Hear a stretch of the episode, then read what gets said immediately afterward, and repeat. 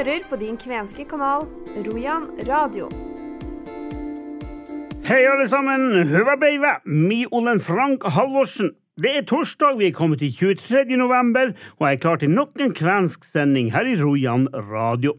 Her får dere noen tips om hva dagens sending inneholder. det som vi ønsker, og på sikt selvfølgelig at man kan til slutt ta kvensk språk uh, i bruk i hverdagen. Digital språkkafé blir et faktum om få dager når Kvensk institutt i Børselv starter opp nyvinninga. I dag går påminningsfristen ut, skal dere høre fra Anna-Kajsa Resenen, som er fagansvarlig for opplegget. Vi skal også høre at fem representanter fra Kvenforbundet i neste uke skal delta på Kontaktforum i Oslo, der nasjonale minoriteter møter sentrale myndigheter. Bernt Isaksen fra Tromsø Kvenforening er veldig spent før han reiser sørover for å delta for første gang på et sånt her møte. Vi skal også i dag ha en ordfører i tale, og denne gangen er turen kommet til Skjervøy-ordfører Ørjan Albrigtsen, som skal svare på hva han og hans kommune gjør for å synliggjøre kvener. Og så skal jeg snakke med Rojan Gaiko-journalist Pål Vegard Eriksen om hva han syns har vært bra for kvenene i 2023. Det og mer til i dagens kvenske sending. Vi starter i dag med saken om at det nå blir kvensk digital språkkafé i regi av Kvensk institutt i Børselv. Anna-Kajsa Resenen er fagansvarlig og vet alt om opplegget. I år så det har vært veldig mange som har ønsket å delta på forskjellige språkkurs her i Norge. eh, og lære seg kvensk. Så vi tenkte på Kvensk institutt at det er litt sånn at vi vil støtte gjerne alle som, som ønsker å ta sitt på en måte arbeidsspråk tilbake. Og tenkte at det er en måte å, å få det til, da. eh, og gjøre det digitalt. Vi kan ikke reise fra Kvensk eh, til alle, alle steder i landet, og vi vet at det sitter i forskjellige steder folk som kan ikke eh, delta i lokale språkkafeene. Så derfor vi tenkte at vi kan tilby det digitalt. da. Vi er kommet til 2023, og det er kanskje da det er fornuftig å begynne med de her digitale språkkafeene, istedenfor å arrangere sånn småkurs her og der. Ja, det er en sånn lett måte og lettvint for, for de som deltar også. De, har, de kan ha til og med alle de kursressurser som de har fått fra kursene med hver dag. Fordi de jobber med jobber sikkert hjemme, hjemme med det materialet. Hva er målsettinga med det her, Anna-Kajsa? Det er å støtte, støtte den på en måte utvikling av språkferdigheter som eh, studentene lærer på kursene. Så det er det som vi ønsker, og på sikt selvfølgelig at man kan til slutt ta kvensk språk eh, i bruk i hverdagen. Dette er kanskje en liten del av fremtida, at man skal berge det kvenske språket, hvis jeg forstår det rett. Er derfor man har de her tingene. Ja, og nå har vi tenkt spesielt uh, først og fremst de voksne. På en måte yngre for, eller barn og unge kan ha kvensk og finsk på skolen. Men det er veldig mange, som, mange voksne som på en måte ønsker å følge med den utviklinga som barna og unge har. Og de trenger da annen type kurs. Og det er ikke alle som kan heller delta universitetets kurs. Og dette er også faktisk til de studenter som går på universitetet, så de er hjertelig velkommen til eh, dette, de her digitale kafeen. Så i dag så går påmeldingsfristen ut. Det er du og Mari Geranen som skal være med på første dagen. eh, Eller, det her er jo et ettermiddagskurs, da. Da starter den 28. Du og Mari, dere er vel så godt som kvensktalende begge to, så det er vel kanskje fint å begynne sånn? Vi har andre også på, på Kvensk institutt som skal være etter hvert med uh, når det passer. Nå var det sånt tilfeldig at det var bare jeg og Mari som kunne, være med nå første gang. To kurs før jul, åtte etter, hvis jeg forstod det riktig. Er det riktig, det? Ja, vi må huske, de her er ikke kurs. De er ka- språkkafeene som er litt mer litt sånn uh, uformell plattform. Mm. Å kunne øve og praktisere det som man har lært på kursene. Da slår vi det fast. Det er en språkkafé. Ja, Ja. det er språkkafé det er snakk om. To språkkafeer før jul, åtte etter. Hvor lang tid skal dere holde på med det her? Hvis det er noe som folk ønsker, så må vi bare fortsette videre med det. Da oppfordrer vi folk som vil være med på det her, til å ta kontakt med Kvensk institutt i Børselv. Og bare melde seg på, men det må skje innen i dag. Ja.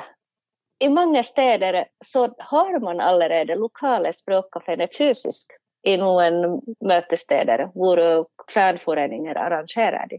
Og det her er ikke noe som konkurrerer det. Jeg faktisk hadde ønsket selvfølgelig at alle som ønsker å lære kvensk, deltar begge to. Og de her tenkte vi å arrangere de her digitale språkkafeene til dem som har ikke de lokale møtesteder og språkarenaer der de kan bruke språk. Men uh, det beste er selvfølgelig at alle deltar mest mulig. Det trengs når man ønsker å lære et nytt språk. Norske Kveners Forbund skal i neste uke delta under det såkalte Kontaktforum i Oslo, der nasjonale minoriteter skal møte sentrale myndigheter til samtaler om hvordan ståa virkelig er. Jeg har snakka med Bernt Isaksen fra Tromsø Kvenforening, som skal delta for første gang. Han er en av fem fra Kvenforbundet som skal delta på Kontaktforumet. Jeg synes det er kjempespennende, så jeg tenker at det er en unik mulighet til å være med og snakke direkte til de ulike departementene. Den muligheten den tenker jeg å forsøke å utnytte. Selv om det er veldig stramt program, så blir det interessant. Det blir lærerikt og interessant. Ja, Vet du hva som skal skje der, sånn, i og med at du ikke har vært med på det før? Ja da, jeg har uh, fått et uh, veldig uh, tettpakka program uh, fra mandag 27. Vi har jo egentlig for så vidt forberedt også. Vi har hatt et formøte hvor vi har gått gjennom hva som kommer til å skje, og hvor vi har muligheter for å komme med innspill. og og eh, sånn sett så har vi jo både forberedt oss eh, fra NKS sin side og planlagt eh, innspill.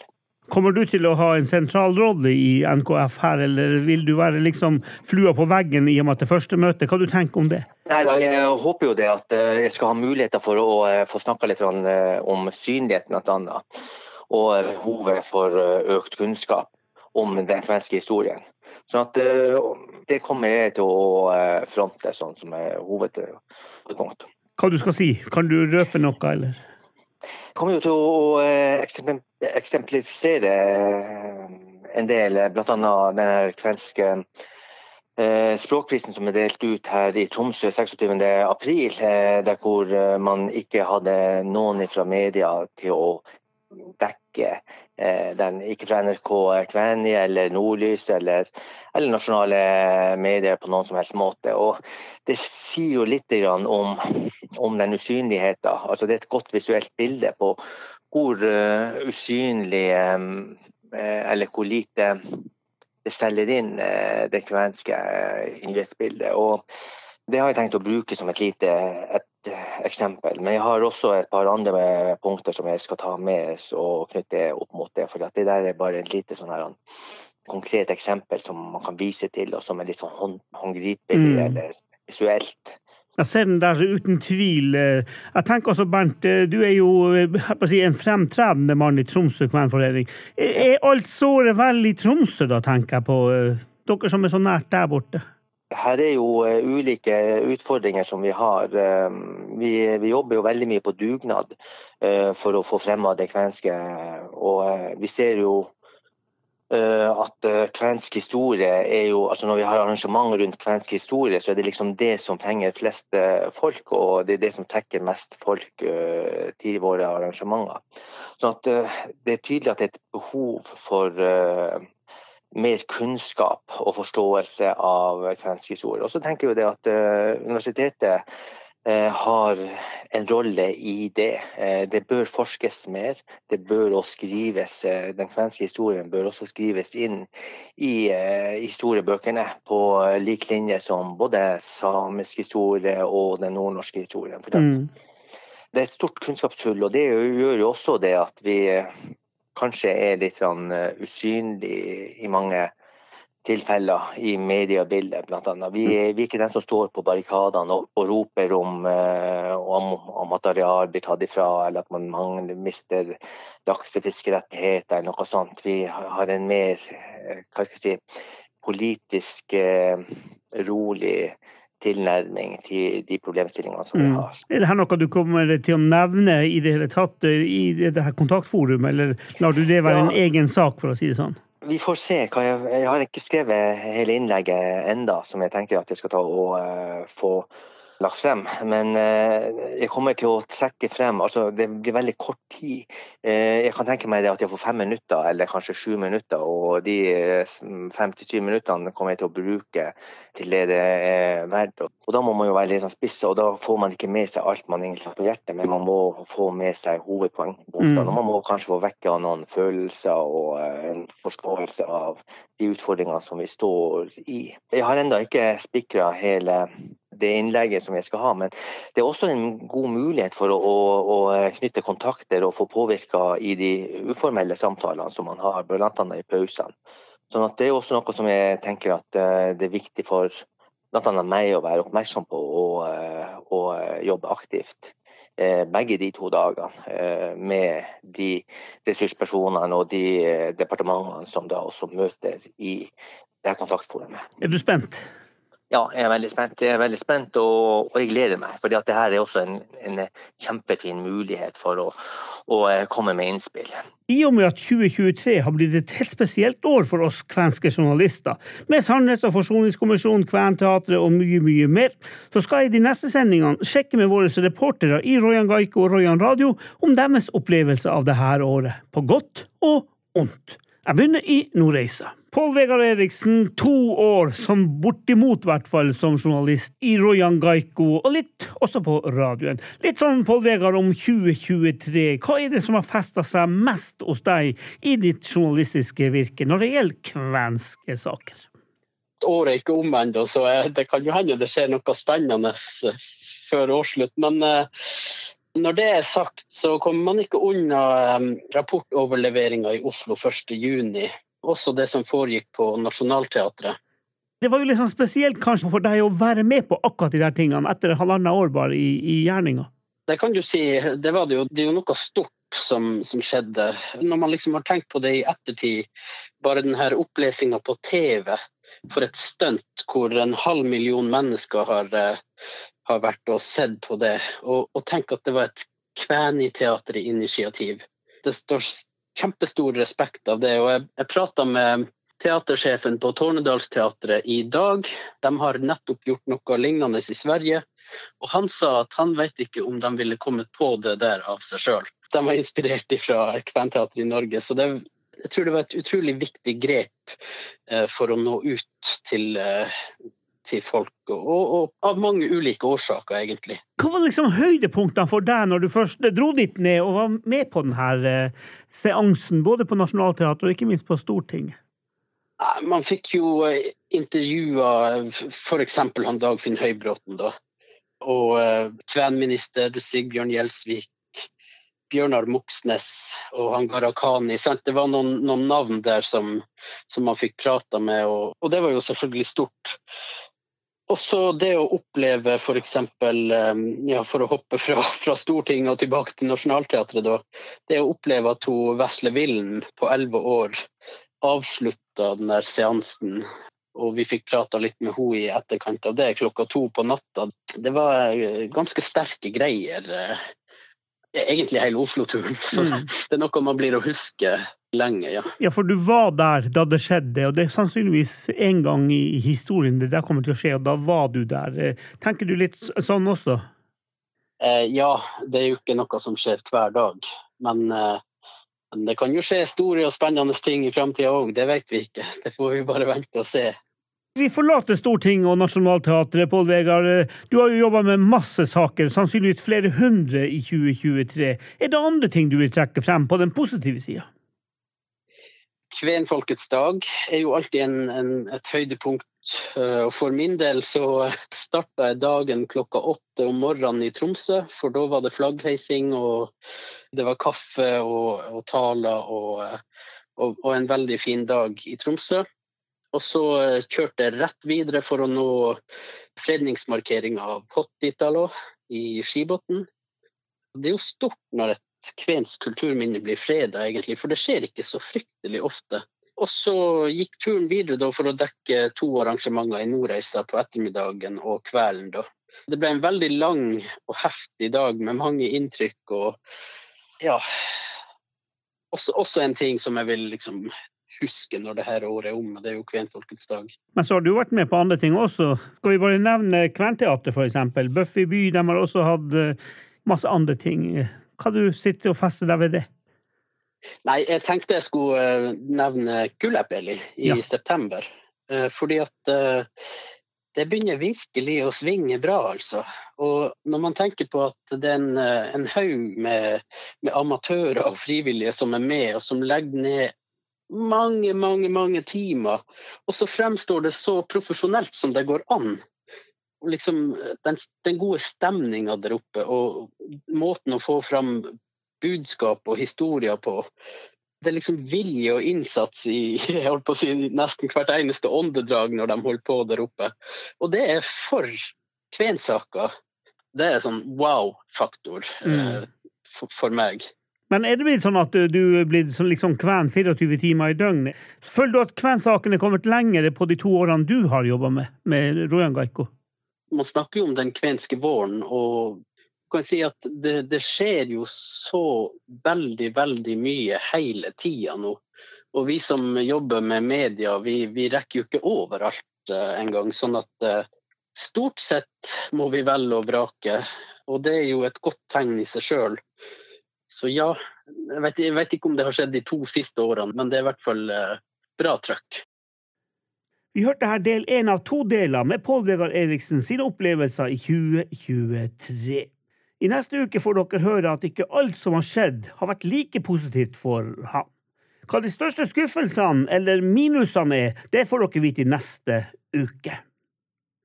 Nå over til min politikerspalte, der nye og gamle ordførere eller varaordførere må fortelle om hva de tenker om kvenene, og hvordan deres kommune følger opp det kvenske i sine gjerninger. Tidligere har vi hatt Porsanger-ordfører Jo Inge Hersevik, deretter Vadsø-ordfører Wenche Pedersen, og sist, men ikke minst, Jan Martin Rishaug fra Alta, som var med i forrige uke. I dag så drar vi til Skjervøy og ordfører Ørjan Albrigtsen. Ørjan Albrigtsen, er du kven sjøl? Jeg har ikke gjort noen sånne undersøkelser som om det, men vi er, vi er nå en god miks av kven og litt samisk og, og, norsk. Så vi er nok alle en god miks, uten at jeg har gjort noen sånn nøye undersøkelser. Har kommunen kvensk historie? Vet du noe om det? I lag med alle de Nord-Troms kommunene så har vi en sterk historie i forhold til det med kvenske. Og vi har jo hatt eh, samlinger bl.a. med et veldig bra opplegg tidligere nå i år. Og så har vi et bibliotek som er veldig dyktig på det og har eh, det med kvenske inn i noen faste former. Så eh, vi bidrar. Så det, det, er en viktig del av historien vår. Og så vet jeg jo at Tidligere i år da, så var det mange gamle skjervøyværinger som var hjemme på Skjervøy og markerte det kvenske. Og da var du også med på det. Syns du det er greit at man har et kvensk ståsted i Skjervøy? Ja, det er viktig. Altså, den kulturen vi har med oss, det merker man jo når man blir eldre, så er det jo kulturen og hvor vi kommer ifra og hvor vi har våre røtter, blir jo enda viktigere. Så vi har jo noen utflytta skjerværinger som har bidratt og, og pusha på, sånn at vi skal måte, løfte fram de her tingene. Og Det syns jeg er prisverdig. Det er fint at flere er med og trekker i retning. Og det å, å vise, vise, at det kvenske også har et sterkt. Har dere en egen kvenforening i dag, eller er det bare de her søringene i Gåsøya som kommer hjem og, og holder på med det kvenske? Ja, det er noe mest de utflytta, men det er jo det er ikke organisert gjennom et sånn spesielt forening. Men vi er vel en del av de foreningene som på en måte ligger til grunn. Men jeg tror ikke det er noe sånn egen lokal forening på Skjervøy. Viktig med det her regionale samarbeidet. Vi er jo en del av Halti kvenkultursenter og det vi gjør i lag der. Jeg er veldig opptatt av at det vi gjør i regionalt også er viktig for, for, hver enkelt kommune. Så det tror jeg er viktig at vi står sterkt sammen regionalt for å løfte det kvenske. Men samtidig så feirer man kanskje kvenfolkets dag på Skjervøy med flagging og sånt, eller tar jeg feil? Nei, det, det gjør man. Den markerer vi. Og biblioteket har jo òg arrangement i forbindelse med, så vi markerer dagen, og den er viktig for oss. Og så har vi òg noen faste opplegg i forhold til skole som også en del av eh, brukerne til biblioteket. sånn at Det er viktig å informere og få de unge med på og vise dem en del av denne kulturarven vår. Kommer du til å uh, sørge for at sånt her skjer i fremtida også så lenge du er ordfører, eller? Det vil jeg. Det er et viktig tiltak, og vi skal være med og, og løfte fram det kvenske og, og forsterke det arbeidet vi allerede gjør i dag. Strålende, Ørjan Albrigtsen. Da vet jeg det at det kvenske blir ivaretatt også i Skjervøy kommune. Helt til slutt, eh, er det sånn å forstå at når ikke du vet om du er kven eller noe, er det noe du kunne tenke deg å finne ut av, eller er det ikke så viktig? Nei, det er jo interessant å, se, så jeg kan godt sjekke ut litt i forhold til hvor man kommer ifra. Det, men det er jo mange, det er jo veldig inn nå, for å si det sånn. Så, eh, så, det kunne vært interessant å teste ut. Ja, så får vi heller snakkes den dagen og finne ut at du er kven, eller at du er ikke kven. Ørjan Albrigtsen, i hvert fall kjempehyggelig å prate med deg i Skjervøy. Takk skal du ha, og lykke til videre i ordførergjerninga. Dere får flere sånne her, her politikerintervjuer utover vinteren. Nå skal dere få møte en skikkelig kvenkjenning. Husker dere dokumentaren på TV på Kvenfolkets dag den 16. mars, der kvenestorene Terje Aronsen og Arvid Petterson kjørte sine gamle mopeder på kryss og tvers i Tornedal? Terje Aronsen var tilbake til sine røtter i Svanstein. Sammen med en annen kvenestor, Arvid Petterson, kjørte de moped fra Pajala til Kukolakoski, eller Kukolafossen, som han sier. Det var litt nord for Haparanda. Dette er et område der mange av de kvenske slektene i Nord-Norge kom fra. Dette var en dokumentar av Sivet og Anstein Mikkelsen som fikk svært gode skussmål etter dokumentaren. Rojan Gaiko-redaktør Arne Hauge traff Aronsen i høst i Børselv, der de overvar et smikurs. Aronsen innrømmer nå at han ikke er noen sånn stor mopedbruker. Jeg har ikke kjørt siden Tårnedalen i fjor, da jeg var i Tårnedalen sammen med Arvid Petterson og kjørte moped. Og her er vi i Børsel, og du sitter på den mopeden du brukte på den turen, sant? Ja da, den er TV-kjendis. Den er til og med blitt, eh, blitt tegna med meg oppå. det var en utrolig stemningsfull film dere klarte å lage? Ja, det ble stemning ut av det. Og eh, det var jo eh, egentlig en på en måte en gjenskapelse av eh, den første turen jeg hadde til Tornedalen, og kanskje noen flere. Ja, Det var jo helt tilbake, var det 85? Det var i 84, var det. Litt over en måned før vi danna den første kvenforeninga. Den ble danna 16. mars. Ja, og som vi vet, så var det jo eh, Den ble danna mye pga. motivasjonen du henta fra Tornio Lakso. Ja, Tornio Lakso. Ja da, det stemmer det, altså. Eh, jeg hadde jo eh, egentlig tenkt mesteparten av det som som jeg fikk bekrefta der borte. Det hadde jeg jo tenkt før, men eh, jeg var jo helt alene. Det var jo ingen andre som, eh, som snakka om det og, og hadde noe, noe, tanker egentlig om akkurat det der med det kvenske. Og slettes ikke det kvenske. For eh, jeg var blant annet med og danna, danna den første finskforeninga i Porsanger også.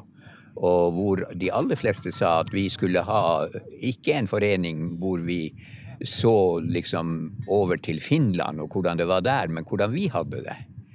Men eh, det ble jo ikke sånn, fordi at eh, Ja, jeg må bare si det at eh, finlenderne kuppa den foreninga, og da ble det til en finsk nasjonalforening.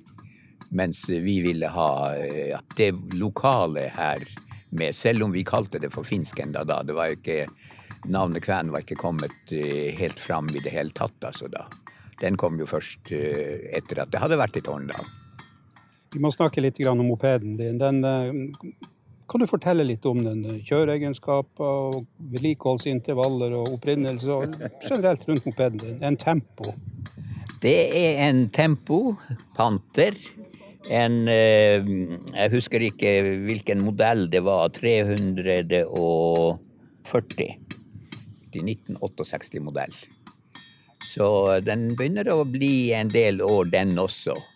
Nå har jeg fått den av en, en slektning av meg som gikk bort for mange, mange mange, mange herrens år siden. Jeg husker ikke når det var.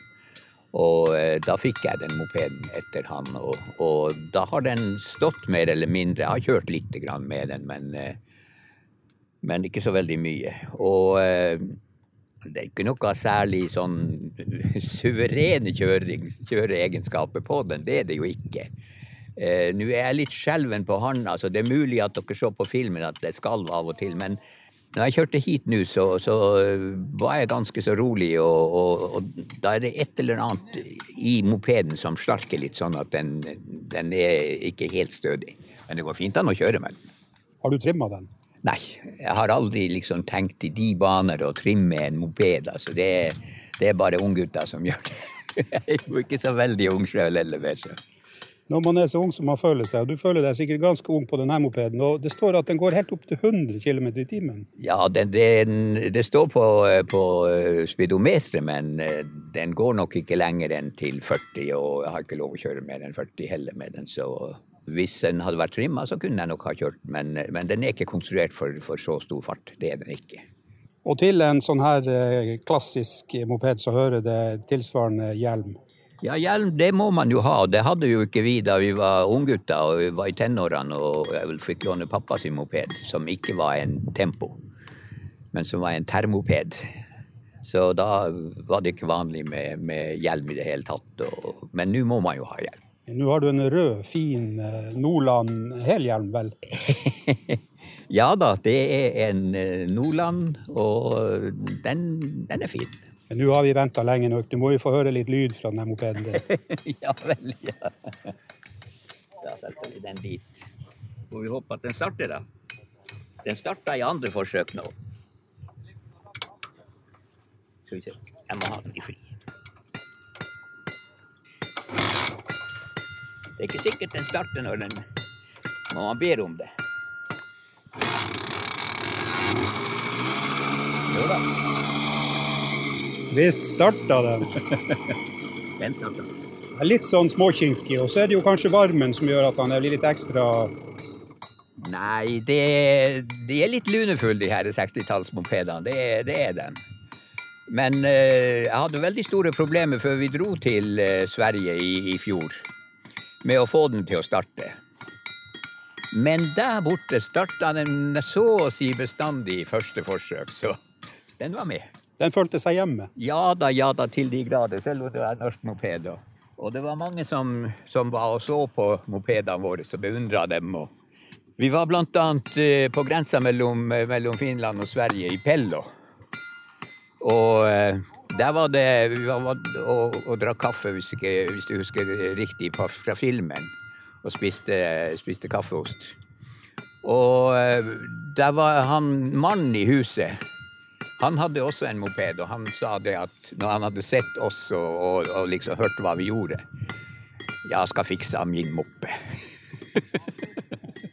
Så eh, kanskje det er en som kjører moped der borte og, og tenker på oss. Nå skal det handle om hund, nærmere bestemt trekkhunder. For i Børselv driver ekteparet Mali og Gøran Andersen sin egen reiselivsbedrift, der trekkhunder er en viktig del av satsinga. Hva det her har å gjøre med kvensk, det får dere vite litt mer om når reporter Maureen Bjerkan Olsen snakker med Mali om Pirate Husky. Pirate Husky, det høres kanskje litt eh, voldsomt ut. Men eh, når vi bestemte oss for at vi skulle starte med turisthundekjøring, så hadde vi en eh, hund som hadde mista et øye til arvelig grønn stær.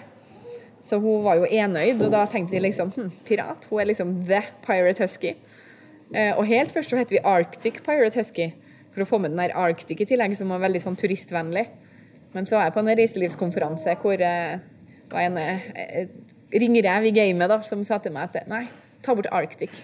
Gjør et navn med bare Pirate Husky.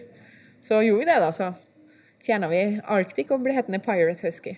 Det er morsomt, jeg hadde jo en historie også med hun Lulu som vi hadde, som hadde et øye og gjorde litt greie ut av det. Dessverre så døde hun nå i, i påska i år. Vi må nå bare beholde navnet, for det er det som er historien vår. Eh, Gøran han er opprinnelig fra Sjaskil, Østerbotn, eh, så det er jo bare tre mil herfra. Og eh, tanken var egentlig at vi skulle flytte dit når vi flytta ned fra Svalbard. Så endte vi opp i Børselv mye pga. den gården her, da. eh, og det passa fint med hundene og sånn. Men eh, når vi da skulle danne reiselivsbedrift, så måtte vi jo Vi ville jo hente inn også det her med kultur, som også noe jeg jobba litt med tidligere. Og han er jo halvt kvensk og halvt samisk. Typisk finnmarking. så det var veldig naturlig for oss å spille på det. Så en av de tiltakene vi gjorde, det var jo at vi har gitt alle hundene våre samiske navn. Eh, det hjelper meg å lære litt samiske ord, og så er det litt, litt gøy for turistene. Eh, og så har vi jo tenkt litt gårdsdyr her etter hvert. det skulle jo egentlig vært her for noen år siden allerede, men vi har ikke kommet riktig så langt ennå. Litt høner og kanskje noe villsau. Og de får da kvenske navn for å veie opp eh, med den kvenske delen òg. Og så har vi jo brukt mye tid på å lære oss veldig mye om både altså samisk er, Der er det jo lett å finne informasjon om kultur og alt, og vi har eh, familien hennes i Kautokeino som har hjulpet oss masse, og det er mye å hente.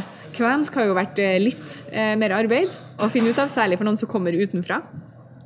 Eh, men vi, fått, vi, fikk midler fra fylkeskommunen. Jeg fikk leid inn ei som er forsker og biolog i tillegg. Og hun har hjulpet oss å lage et foredrag om tre stammers møte. 100% faktabasert, som vi bruker veldig mye da også i, i reiselivet.